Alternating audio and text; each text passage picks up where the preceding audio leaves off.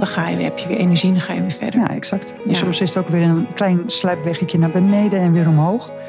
We hopen dat het een rechte weg omhoog is, maar zo gaat het niet. Het, het is zo'n groeiproces, is net het leven. Het staat daar in synoniem voor natuurlijk.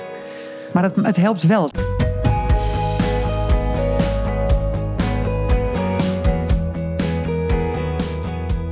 Je partner overlijdt. Hoe ga jij verder in je eentje? In mijn podcast Widow Talk interview ik weduwen en weduwnaars. We praten over alle facetten van ons verlies, de effecten daarvan en hoe we het leven weer op kunnen, nee, moeten pakken. Ook spreken we met bedrijven en andere experts die nabestaanden helpen hun leven weer op orde te krijgen. Met Widow Talk lever ik support voor jou na het verlies van je partner. Welkom. Fijn dat je luistert.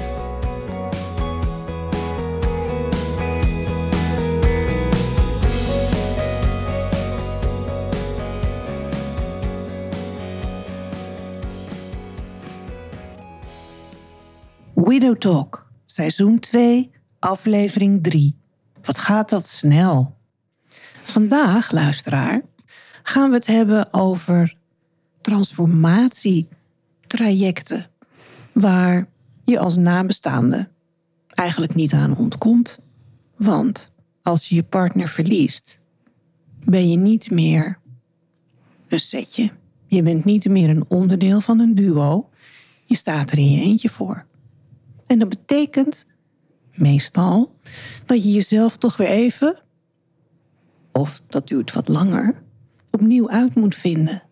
En bij de een gaat dat wat makkelijker dan bij de ander. Maar ik denk dat ik wel kan zeggen dat dat eigenlijk altijd een moeilijk, emotioneel en lastig proces is. Nou, ik kan er natuurlijk wat over zeggen, maar dan praat ik alleen maar vanuit me, myself en I. En dat is best een interessant verhaal, maar daar zit niet iedereen op te wachten. Dus ik heb Cynthia Seesing uitgenodigd om daar met haar over te praten. Zij is transformatiecoach en heeft haar eigen bedrijf High Impact Coaching. Dus Yes. zij gaat ons vandaag meenemen op de reis die wij als nabestaande, die jij, luisteraar, als nabestaande wellicht al gemaakt hebt of waar je nu in zit. En misschien vind je het wel zo interessant dat je zegt: hé, hey, dit wil ik delen met iemand die daar misschien ook wat aan heeft. Cynthia, de vloer is aan jou. Heb ik je goed geïntroduceerd? Ben ik iets vergeten? Nee, dat klinkt helemaal top. Niks vergeten. Warm welkom, zo voelt het voor mij. En eh, ja, mooi om hier met jou over te mogen praten vandaag. Ja, vind ik ook. Hoe ben je er toe gekomen om dit te gaan doen, Cynthia? Ja, ik denk dat iedereen eh, zo zijn eigen groeiproces heeft. En eh, dat heb ik natuurlijk ook. Of natuurlijk. Voor mij is dat een natuurlijk. Eh, ik ben altijd heel erg geïnteresseerd geweest in gedragsverandering. In waarom doet iemand nou wat hij doet. Dat is eigenlijk bij mij al vrij jong ontstaan. En ja, het, hetgeen wat ons bindt is inderdaad ook een stuk eh, eh, thema rondom rouw. En mijn moeder is eh, eh, vrij jong overleden, ze was 48. Ik was zelf toen 21 en mijn, eh, mijn zusje is 18. Dus ik heb ja, als jongvolwassene toch ook ja, niet eens echt vanaf de zijlijn, maar misschien wel er middenin gezien wat dat dan in dit geval met mijn vader eh, deed. En dus ook wat voor stempel dat op eh, het gezin gedrukt heeft. Nou, dat is denk ik voor bij mij, achteraf beredeneerd, wel een startpunt geweest om eh, ja, misschien wel klaar te maken voor het werk wat ik nu doe, denk ik. Ja. Ja.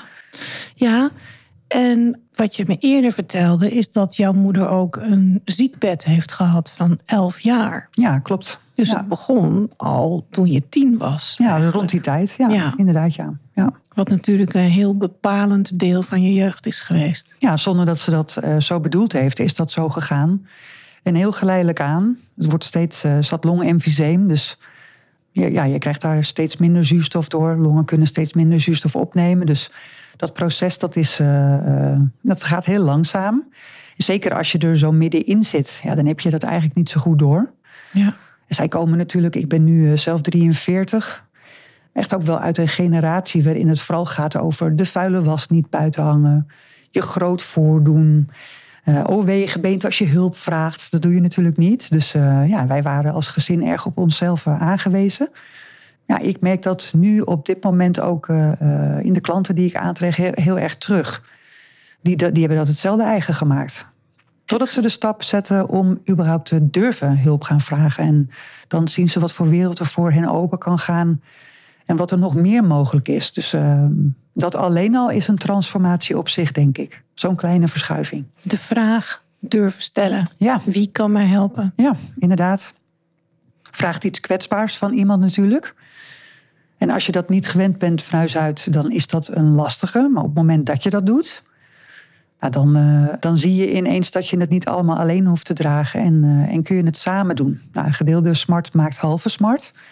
Misschien zelfs uh, nou, nog wel een factor minder. Maar ja, dan moet je wel de eerste stap zetten. Ja, ja en jij zegt je moet durven vragen. Mhm. Maar misschien weet je wel helemaal niet dat je kan vragen. Nee, dat kan. Want je dat weet niet ik, ja. wat je nodig hebt. Mhm. Je zit in die put. Je voelt je een woord dat erop rijmt. Mhm. En dat is het. Ja. Want Ja. verder kijk je niet.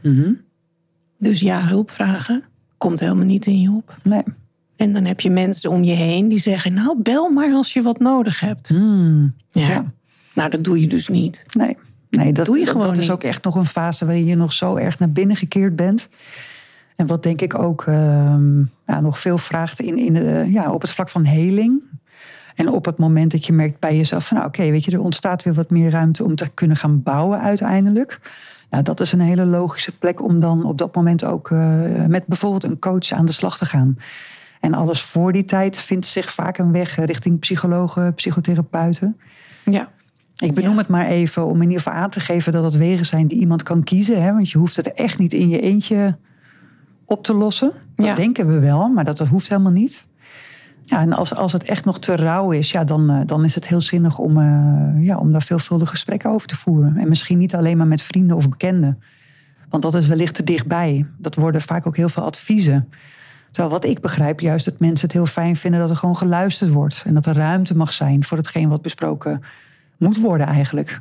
Ja, daar Nou, is, er hoeft ja. niet per se een advies in terug. Ja. Nou, dat is mooi wat je zegt. Want praten met vrienden of familie, Mhm.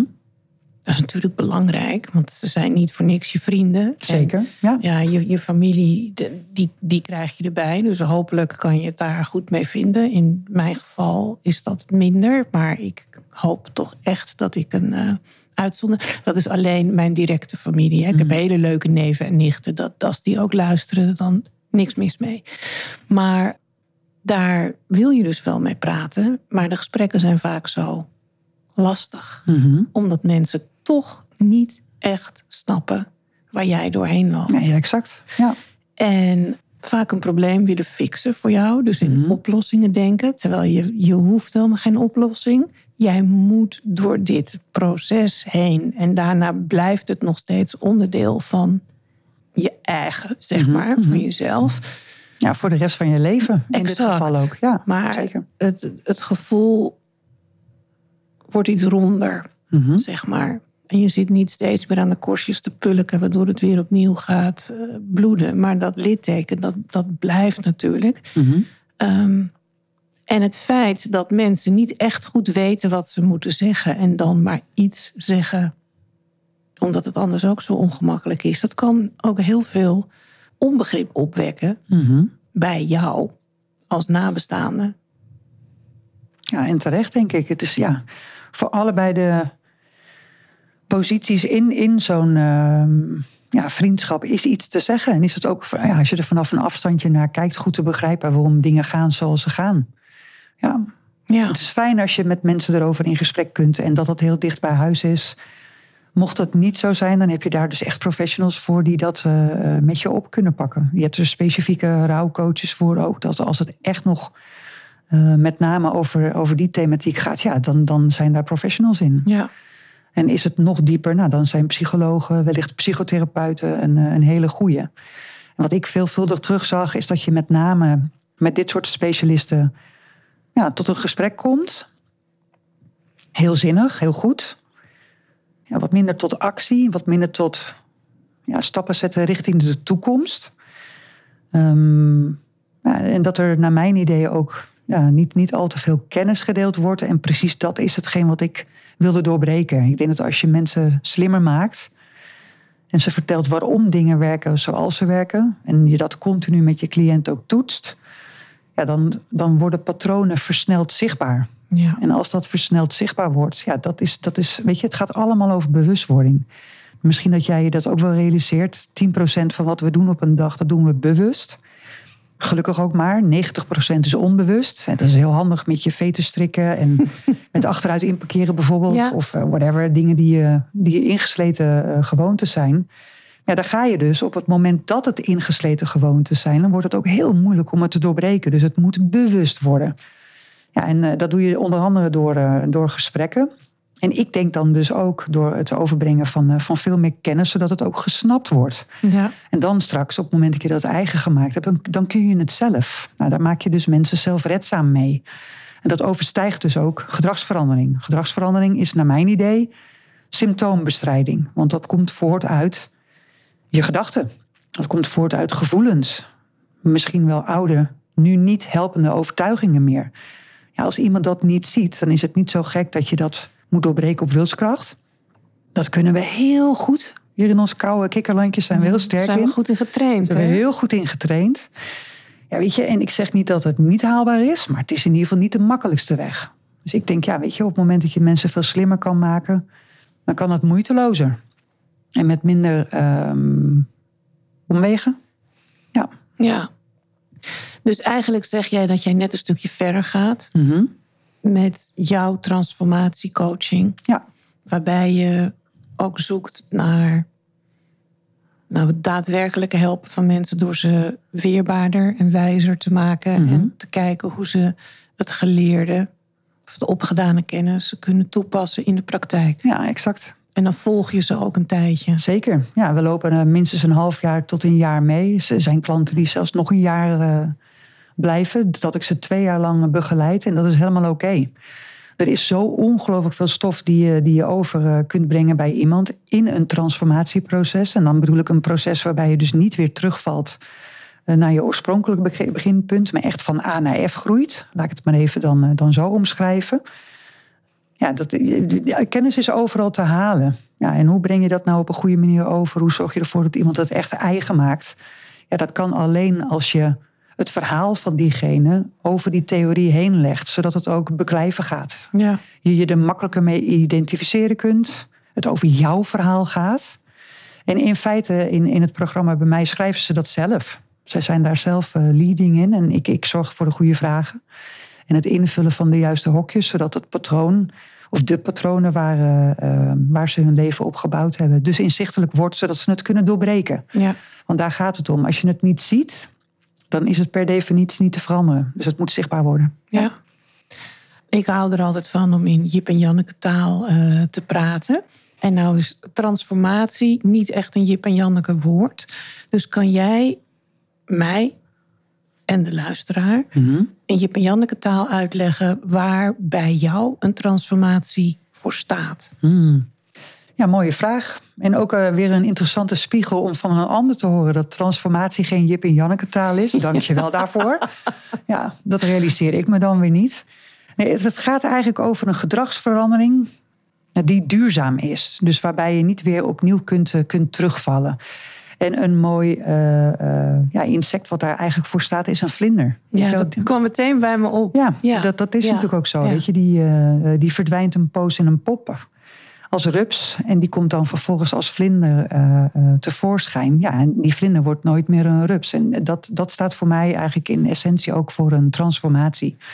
Het is een grote groeistap die iemand maakt. Vaak door zichzelf geïnitieerd. Want als je het niet zelf wil, dan gaat het niet komen. Dus daar moet je ook voor open willen staan. En ehm, dat, dat kan heel hard gaan, zeker. Ja. Ja. Ja, Het dus staat ook wel in, in een lijn met levensfases, denk ik. Ja, ja, zo je doorloop je er altijd een aantal. Als je heel jong bent, sta je er misschien minder voor open Mhm. dan wanneer je wat ouder wordt en meer reflecteert op je leven. Zeker. En wie ben ik, waar Ja. sta ik en Ja. wat wil ik? Wat ook exact de vragen zijn die je jezelf stelt als je partner is overleden. Ja, dat kan ik me helemaal voorstellen. Ja. Zeker. Ja. alles staat weer op losse schroeven. Ja. Zeker als je lang met iemand samen bent geweest, ja, dan is dat tot aan de boekhouding, tot aan het bestieren van het huishouden, tot aan misschien wel gedeelde bedrijven, bewijzen van, is het allemaal in elkaar vervlochten. En als daar 50% van wegvalt, ja, dat is een, eh, een abrupte stilstand. Ja.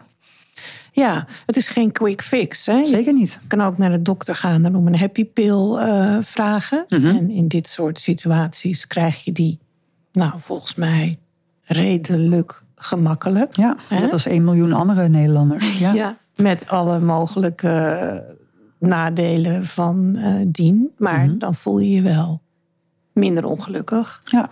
Alleen neem je de oorzaak natuurlijk niet weg. Exact. Dat is een symptoombestrijding. Exact. En symptoombestrijding is per definitie nooit duurzaam. Ja. Dus jij gaat niet voor de quick fix. Klopt. En Ja. waarom kiezen mensen hier dan toch voor? Want dat betekent dat ze lang en intensief hiermee bezig zijn. En met Mhm. zichzelf ook geconfronteerd worden. Ja, inderdaad, ja. Jee. Ja. ik krijg er heel veel zin in als ik dat hoor. Heel mooi. En ook voor de mensen die het betreft natuurlijk super spannend. Ehm, nou, juist omdat, weet je, ik denk dat het vooral mensen zijn die al op herhaling eh, hun neus gestoten hebben. Ik kom er veel tegen die dat bijvoorbeeld in het bedrijfsleven eh, hebben meegemaakt. Of iedere keer zichzelf weer, weer tegenkomen. Kijk, als je spreekt over iets wat één keer fout is gegaan, dan heb je het over een incident. Gaat het twee keer fout, dan is het misschien nog toeval. Maar bij drie keer heb je echt een patroon te pakken. Ja. Dus op het moment dat iets zich al drie keer heeft herhaald in je leven, nou dan, dan is het een goed moment om eens bij jezelf te raden te gaan. En wat dan de rode draad is vanuit jezelf in die situaties. Nou, en dat zijn dus ook de klanten die, die ik helpen gaan. Die hebben al veel geprobeerd, komen iedere keer weer in dezelfde cirkel terug. Nou, en dan is het nodig om die cirkel te gaan ontrafelen. Om te snappen wat, wat die dynamiek dan is. Zodat je het niet nog een keer doet. Ja. Ja. En dat kan natuurlijk ook bij weduwen en weduwenaars het geval zijn. Dat je wellicht ook in de relatie jezelf te veel bent kwijtgeraakt. Wat mogelijk is zich ook in werksituaties afgespeeld heeft. En dat, dat nu je partner verloren bent, dat extra eh, eh, naar boven komt. En dat je dan staat, ja, en, en nu dan? Wat wil ik nu nog? Ja, en dat, dat zijn nou de mooiste vragen om, om helemaal te gaan ontrafelen. En met iemand samen die puzzel vanaf scratch af aan weer, weer te gaan leggen. Ja. Dus hoe is dat ideale leven dan straks? Want ja, het is heel vervelend om te moeten benoemen. Maar ja, je partner verliezen, dat is niet terug te draaien. Dus je zult op een bepaald moment toch ja, weer, weer stappen naar voren moeten gaan zetten. En hoe wil je dat dan? Maar er is misschien ook wel geen mooier moment dan dan om eh, daar weer vrij en open over te kunnen nadenken. Want er is geen andere weg. Nee, Hoe cru klopt. ook om te zeggen. Ja. Dat klopt. En eh, voor mij is het nu 2,5 jaar geleden dat mijn man is overleden. Mhm. En ik zie ook bewegingen in mijn leven. Dat ik denk, goh, wat mooi. Wat fijn. Hmm. Wat leuk. Ik ontwikkel me nu op een manier die ik niet gedaan zou hebben...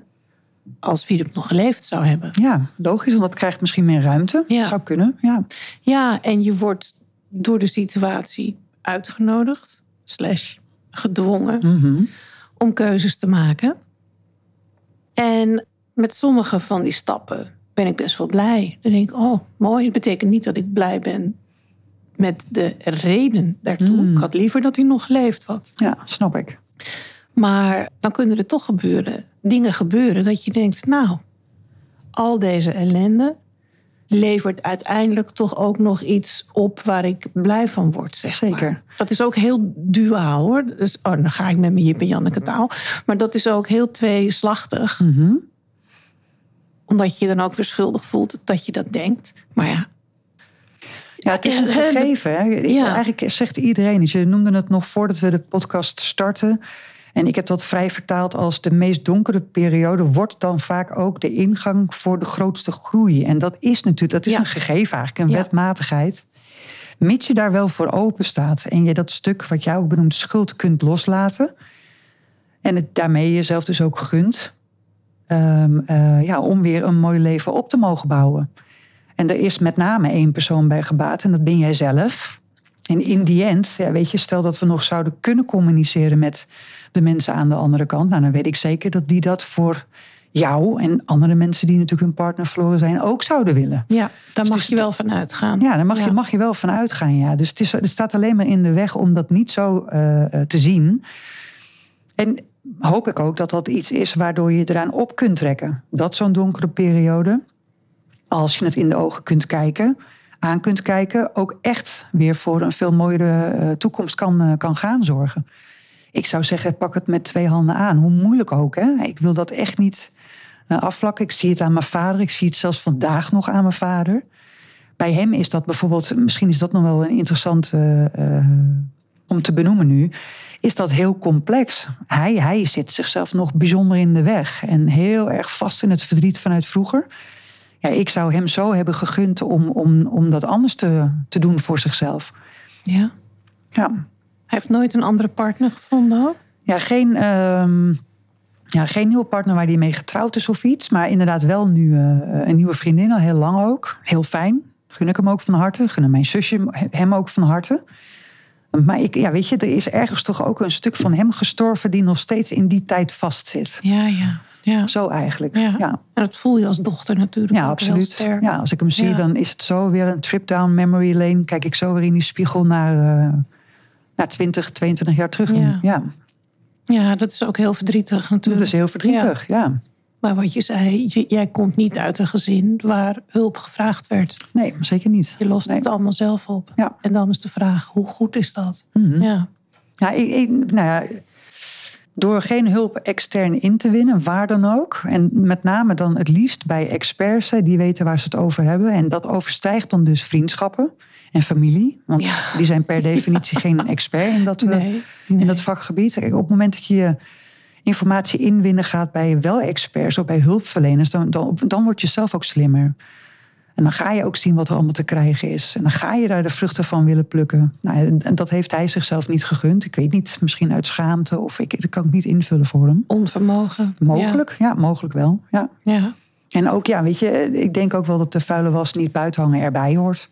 Vroeger zijn eh, met name psychologen, et cetera, natuurlijk heel argwanend aangekeken. Het was allemaal maar eh, graverij.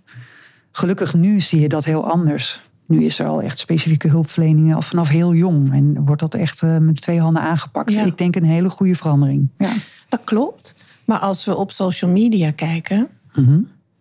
daar is iedereen super gelukkig en mooi met alle filters die eroverheen kunnen. En alle huwelijken zijn fantastisch. En iedereen maakt trips overal naartoe. En dan denk ik, wat ben ik een duffe saaie doos. Ik doe helemaal niks. En ik kan helemaal niet al die happy foto's laten zien. Ook niet toen mijn man nog eh, leefde. En dan lees je een week later dat mensen uit elkaar gegaan zijn. Terwijl Ja. ze daarvoor nog posten van de liefde van mijn leven. Dus ja, happy bubble. Ja. ja, dus wat dat betreft, hè, jij zegt het, je mag meer hulp vragen en realistischer zijn. Maar als Mhm. ik naar social media kijk, Hebben we nog een weg te gaan? Ja, Zie ik wel qua verschuiving nu hoor. Ja? Ja zeker. Dat eh, artificial intelligence wordt toch ook niet met twee handen eh, aangepakt overal. Dat is natuurlijk ook weer een, een verschuiving naar nog meer neppe wereld. Ja, jongeren staan veel meer open om, nou, als, ze- als ze nog zo jong zijn, toch ook eh, meer die hulpvraag te gaan stellen. Er is veel meer aanbod in vergelijking tot vroeger. Soms wordt gezegd een overschot. Nou, die mening deel ik niet. Ik denk dat we nog steeds eh, behoorlijk veel hulpverleners tekort hebben, eerlijk gezegd. Ehm, omdat er nog zoveel werk aan de winkel is. Eén op de vier mensen loopt met een coachvraag rond. Nou, ga er maar aan staan. Dat zijn niet allemaal geënt vanuit de rouw natuurlijk. nee, Maar één op de vier, dat is echt veel. ja. Kijk maar eens zo- zo'n zaal rond waar je dan bent. Dat is echt, eh, daar kan je voetbalstadions mee, eh, mee vullen. Ja. Hoe komen mensen bij jou? Nou, ik denk eh, van mond op mond wel. Ik ben heel actief op social platformen, dus eh, waar die mooie wereld geschetst Ja. wordt. Ik denk dat ik wel een tegengeluid eh, kan bieden daarin. En ook wel een, ja, een stuk kwetsbaarheid laten zien. Ook om voor die herkenning te zorgen. Dat is ook belangrijk. In, in die end zijn we allemaal niet zo verschillend. Dat valt best mee. En om dat uit te dragen, denk ik, is alleen maar heel mooi en goed om te doen. Dus eh, mensen vinden me veelvuldig terug op LinkedIn, Facebook, Instagram ook. En op die laatste twee eh, adverteer ik veelvuldig. Dus uh, dat is dan ook een manier om mensen die nog niet weten dat ze mogelijk die hulp zouden willen uh, ontvangen. Dat ze, ja, ze krijgen dat natuurlijk in hun uh, nieuwsberichten. Dus kom ik langs en dan, heel frek, misschien is dat iets en kan ik het latent voeden. Ja. Dus zonder dat ze nog weten dat ze daar wellicht behoefte aan hebben. Ja. ja. En dan plaats je posts mm -hmm. met een verhaaltje. Zeker. Een situatieschets. Ja. Storytelling. Mm -hmm. um, waar mensen zich in kunnen herkennen. En mm -hmm. denken van, hé, hey, dit gaat over mij. Exact, ja. Ja, want wat ik, wat ik zie is dat die groeistappen eigenlijk voor iedereen gelijk zijn. Of je nu door rouw gaat, of vanuit een burn-out herstellende bent, of misschien iets anders uh, hebt meegemaakt wat heel groot is, waardoor je op een kruispunt komt. Ja, weet je, het gaat altijd over een stuk erkenning dat het zo is gegaan, een stuk herkenning. Nou, en uiteindelijk natuurlijk ook weer in het kunnen opbouwen uh, van, van, uh, vanaf die nieuwe positie. Nou, en um, ja, ik denk dat dat voor, voor veel mensen een stuk herkenning geeft. Zeker als je er middenin zit, weet je helemaal niet dat dat bij anderen speelt.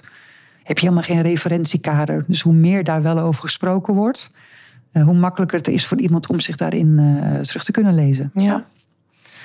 Hoe zit zo'n traject in elkaar? Kan je daar iets over vertellen? Want het klinkt mooi, maar mm -hmm. het blijft natuurlijk ook heel abstract. Hè? Mm -hmm. Dus uh, kan je dat ietsje specifieker maken voor ja, de luisteraar? Tuurlijk. Je hebt met personen te maken.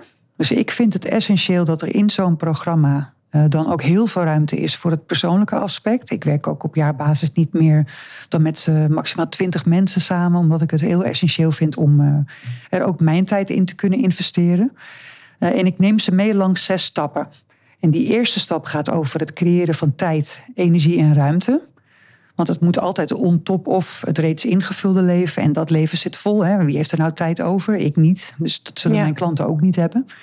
Dus daar, daar, zullen we naar moeten kijken. Hoe gaan we dat creëren zodat er ook een transformatie kan gaan plaatsvinden? Dan de tweede stap gaat over visie. Zie het maar als een stip aan de horizon. Waar wil je naartoe groeien? Nou, dat is vaak een hele grote berg. Dat wordt dan ook heel moeilijk. Ja. Daar zit iemand enorm tegenop. Dus die grote berg moeten we kleiner maken in pragmatische stappen daar naartoe. Dan de derde stap. Ik heb ooit, ik heb ooit een uh, cursus gedaan. Mm -hmm.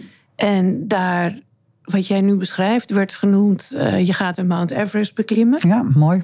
Maar dat doe je ook niet uh, van nou, ik begin beneden en ik eindig boven. Nee, mm -hmm. je gaat van basecamp naar basecamp. Exact. In ieder basecamp ja. ga je weer even overnachten, uitrusten, eten, drinken, voeden. En uh, dan ga je, heb je weer energie en dan ga je weer verder. Ja, exact. Ja. Soms is het ook weer een klein sluipweggetje naar beneden en weer omhoog. We hopen dat het een rechte weg omhoog is, maar zo gaat het niet. Het, het is zo'n groeiproces, is net het leven. Het staat daar synoniem voor natuurlijk. Maar het, het, helpt wel. Toevallig had ik vanmorgen nog een verkoopgesprek met iemand die zegt: joh, die, die stip aan de horizon die kan ik wel creëren. Ja, dan uiteindelijk van denken naar doen komen, dat is een heel andere league. Dus ja, dat snap ik. Dat moet pragmatisch gemaakt worden. Makkelijk, exact. eenvoudig. En ja. hoe doe je dat dan? Als je ja, heel, heel erg rationeel bent, dan is dat uh, nou ja, misschien nog wat moeilijker. Dat bleek wel bij hem het geval te zijn. Ja, en dan uh, terugkomende bij de derde stap, dat is het mentale aspect ervan. Zien dat er kansen zijn. Dat betekent dus ook het verleden loslaten en je blik te gaan richten op de toekomst.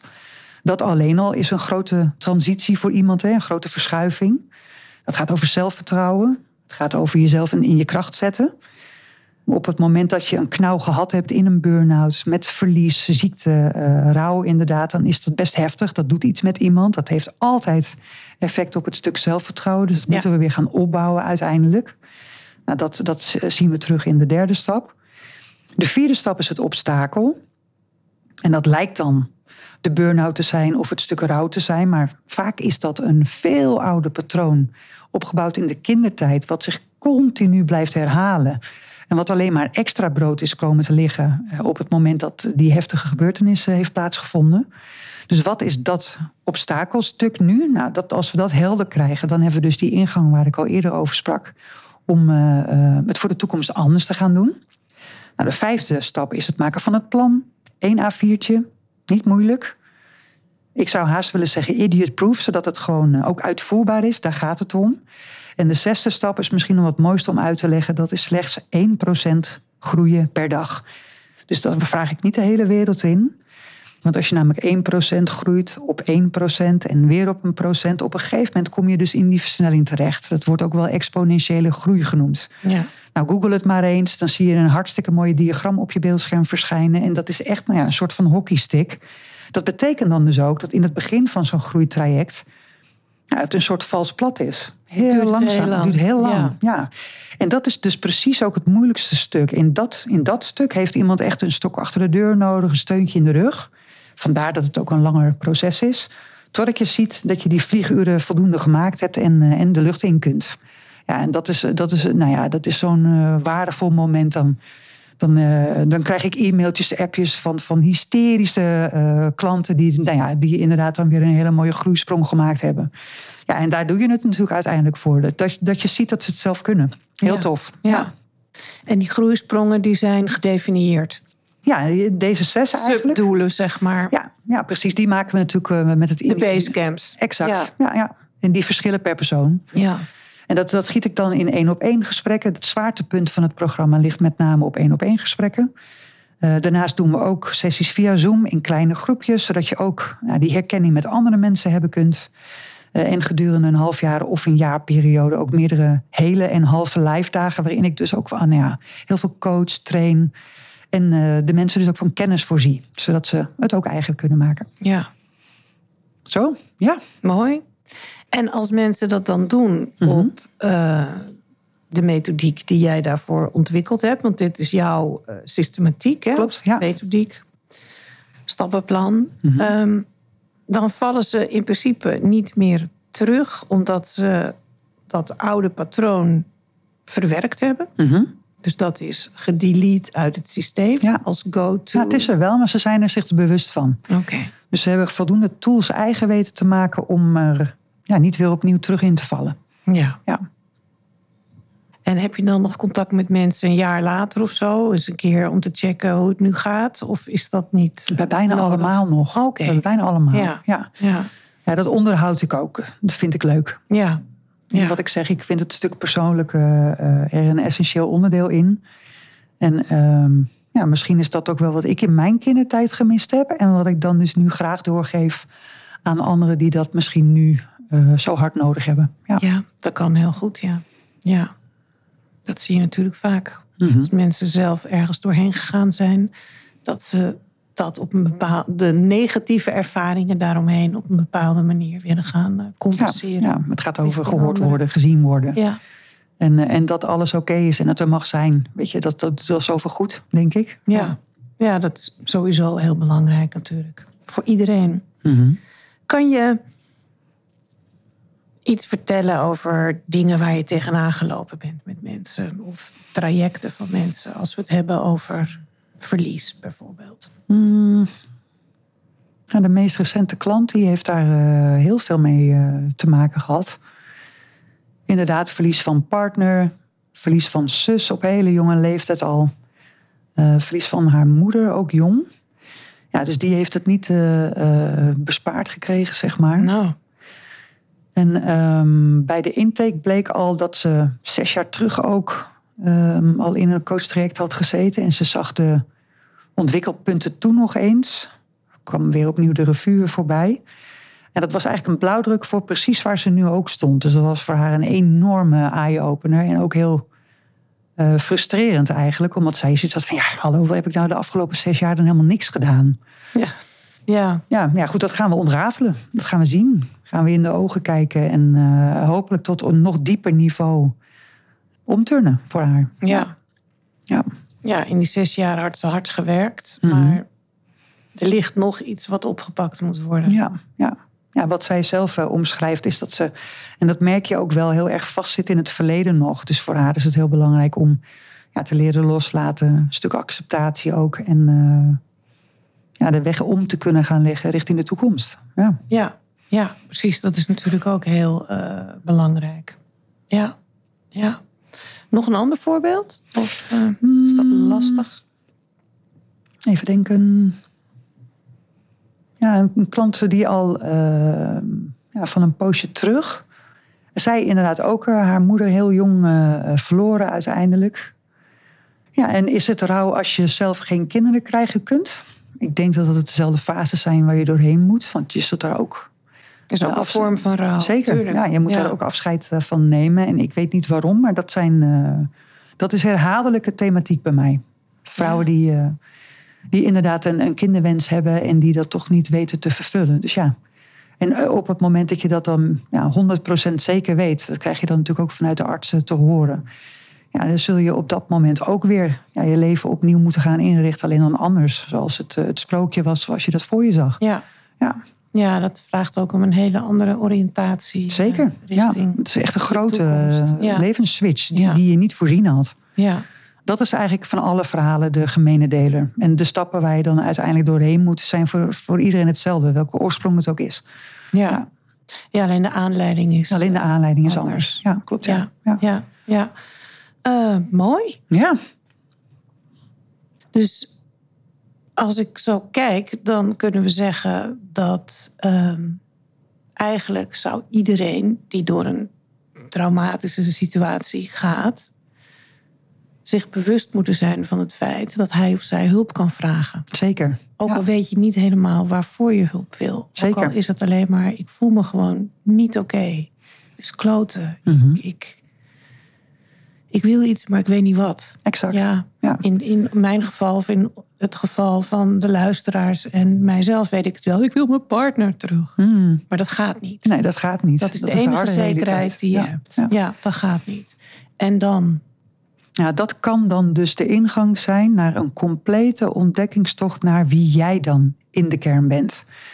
En dat is denk ik het onzichtbare cadeau door zo'n vreselijke gebeurtenis die je wel kunt omarmen. En op het moment dat je zo sterk bent om dat aan te gaan met jezelf, nou dan, dan, dan durf ik voor 100% zeker te zeggen dat, eh, dat dat de mooiste reis is die je dan in kunt gaan. En dat er dan toch vanuit zoiets ergs iets heel moois kan ontstaan. Waar jij uiteindelijk echt de vruchten van kunt plukken. ja. Ja. Je komt zoveel sterker te staan. Een van mijn klanten is hovenier en die zegt altijd, vind ik zo mooi eh, omschreven. Ja, ik wil gewoon weer leren staan op eigen grond. Nou, en ik gun hem dan eh, een tuin zo groot als een voetbalveld. Weet je? En dat, dat kun je dus zelf creëren. En dat is denk ik ook eh, het mooie vanuit zo'n donkere periode. Ja. Ja, ja, mooi. Mm. Zijn er nog dingen die je wil zeggen? Die ik niet gevraagd heb? Dat je denkt, nou, moet ik nog even delen? Ja, ik denk dat het mooiste advies is wat ik nog kan meegeven is zoek dat je, eh, zorg dat je informatie krijgt van echte experts. En zoek net zo lang door totdat je gevonden hebt wat echt past bij jou. Weet je, 70% van het succes in een samenwerking met iemand komt echt door de klik met degene die Ja. je hebt. Ja, En er is geen goed of fout. Hè. Er wordt veel over coaches gezegd. Het zijn er veel te veel. Niet iedereen is geschoold. Nou, wees daar secuur in. Maar ze- weet je, het heeft wel een reden. hè. Zoveel mensen hebben een verschillende discipline eigen gemaakt. En als jij er eentje vindt die echt nou ja, op jouw lijf geschreven is, pak het met twee handen aan. Weet je? En dan, dan kan het alleen maar iets moois brengen, denk ik. ja, Ja. Dus of dat nou paardencoaching is, familieopstellingen of een transformatieprogramma bij mij of een wandelcoaching, zoals je natuurlijk met Inge Lohman eh, reeds eerder besproken hebt. Of meer spirituele coaching, zoals ik ook. zelf doe. Ja, zeker. Ja, Ook heel mooi. ja, ja, inderdaad. Gaat een wereld voor me open. Ja, dat geloof ik zeker. Ja. Iedereen noemde me altijd al een heks, maar nu weet ik dat ik er een ben. Een witte, een witte. Ja, ja. Nou, en zo zie je dus dat ook in hulpverlening op ieder potje past een dekseltje. En er gaat ook echt iets zijn wat jou helpen kan. En, en stop dan dus ook niet met je zoektocht totdat je gevonden hebt wat jou helpt. Dat is denk ik het enige advies eh, eh, wat ik nog geven kan. Stop niet totdat je vindt waar jij eh, ja, je echt helemaal oké bij voelt. Ja, want dat is wel een ding, hè, wat jij zegt. Want dan heb je uiteindelijk in al je ellende die stap gezet. Mhm. En dan kom je bij iemand dat je denkt, nou, bah, Ja, kan ik helemaal niks mee. Nou, zet een punt en door. ja, ja, Echt. ja, en Ja. je bent dan al zo slagvaardig als je midden in de rouw en voor vrouwen in het widow brain zit. Ja. Niet dus. Nee, dat Eh, geloof ik. Maar dus laat ik het daarom dat- nog extra benadrukken. Ja, heel goed. Ja. Het heel is echt zonde. Weet je, vroeger is het heel normaal dat je dan bij een psycholoog of psychotherapeut of bij iemand anders uh, een verwijzing krijgt via de huisarts bijvoorbeeld. Ja. Nou, en dan denk je, dan moet, je, dan moet je het doen met zo'n persoon. Dan gaan we de gesprekken voeren. Maar op het moment dat dat geen echte klik is, ja, dan ga je ook niet tot de dieptes komen die nodig zijn. Dus nu zijn we gelukkig een stuk assertiever. En voor degenen die dat wat minder voelen, bij deze dan het goedkeur, of de goedkeuring om dat wel te doen. Uh, en vooral niet uh, te stoppen en je uit het veld te laten slaan. Want er zijn echt mensen die je verder kunnen helpen. Ja, Dus, ja, ja. en dat onderzoeken kan Mhm. je ook al doen door online te kijken natuurlijk. zeker. Hè? Ja. Misschien dat die mensen wel, nou jij plaatst bijvoorbeeld filmpjes ja, op social media. Daardoor zie je de persoon bewegen.